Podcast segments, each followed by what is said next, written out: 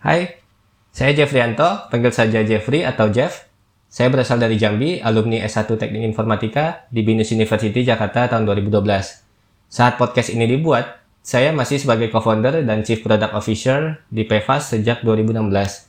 Saat ini, uh, PEVAS juga merupakan bagian dari Fast Financial Group atau EFFG, sebuah ekosistem teknologi finansial di Indonesia. Saya mendirikan PEVAS dengan dua orang co-founder lainnya, Berkat impact PEVAS dalam lima tahun terakhir ke masyarakat Indonesia, saya bersama co-founder lain juga mencapai Forbes 30 Under 30 Asia tahun 2019.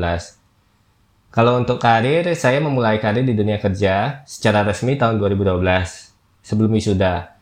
Ya, hitung-hitung mengisi waktu luang, selesai sidang, ya sambil ya 6 bulan menuju wisuda lah. Ya, saya start karir. Pada saat itu saya memulai sebagai software engineer di salah satu startup OTA atau online travel agent terkemuka. Sempat mencoba beberapa karir di beberapa startup juga.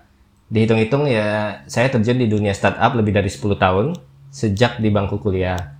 Apalagi kalau dari hitung-hitung zaman kuliah ya, uh, masih muda dan energi yang berlebihan. Meskipun full time kerja juga saya tentunya selain pacaran, untuk waktu malam minggu atau weekend atau uh, hari kerja saya juga kadang mengerjakan beberapa proyek aplikasi dari pihak ketiga. Ya bisa dibilang learning by doing lah. Sebenarnya dunia pemrograman atau software engineering sendiri baru saya kenal saat SMA. Bisa dibilang saya nggak jago-jago amat ngoding atau membuat aplikasi atau sebagainya. Nggak terlalu saintifik gimana gitu ya. Ya dengan modal penasaran, nekat, dan ilmu pas-pasan, saya sudah mengerjakan beberapa aplikasi untuk SMA juga Uh, hingga sampai kuliah juga ada proyek pihak ketiga sampai e-commerce untuk brand lokal, infrastruktur website, webtoon, ticketing, aplikasi mobile dan sebagainya.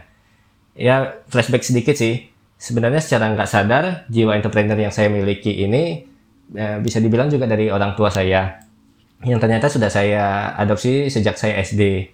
Ya sekitar awal tahun 2000-an.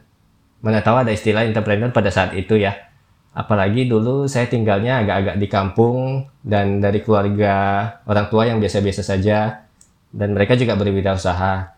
Nyokap saya tukang kue dan bokap memulai karirnya sebagai supervisor di lahan sawit orang lain di luar kota juga yang akhirnya pada berhenti kerja eh, saat saya SMP dan menjadi entrepreneur juga. Eh, bokap saya menjual ikan hias. Saya diajarin berjualan es batu sama nyokap.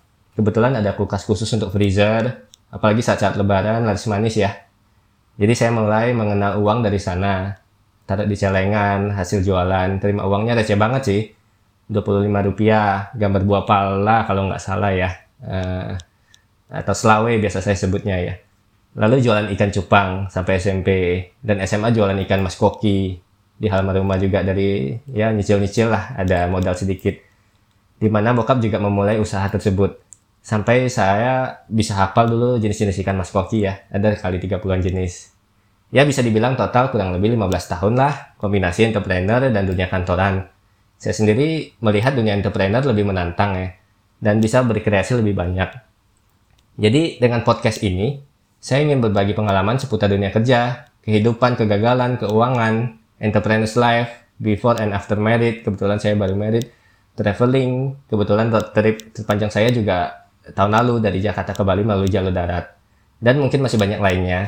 Siapa tahu jadi tips untuk teman-teman pendengar yang mau ngapain gitu. Mudah-mudahan topik yang saya bawa tidak terlalu berat. Semoga podcast ini saya selalu memberi inspirasi untuk teman-teman. Selamat mendengarkan.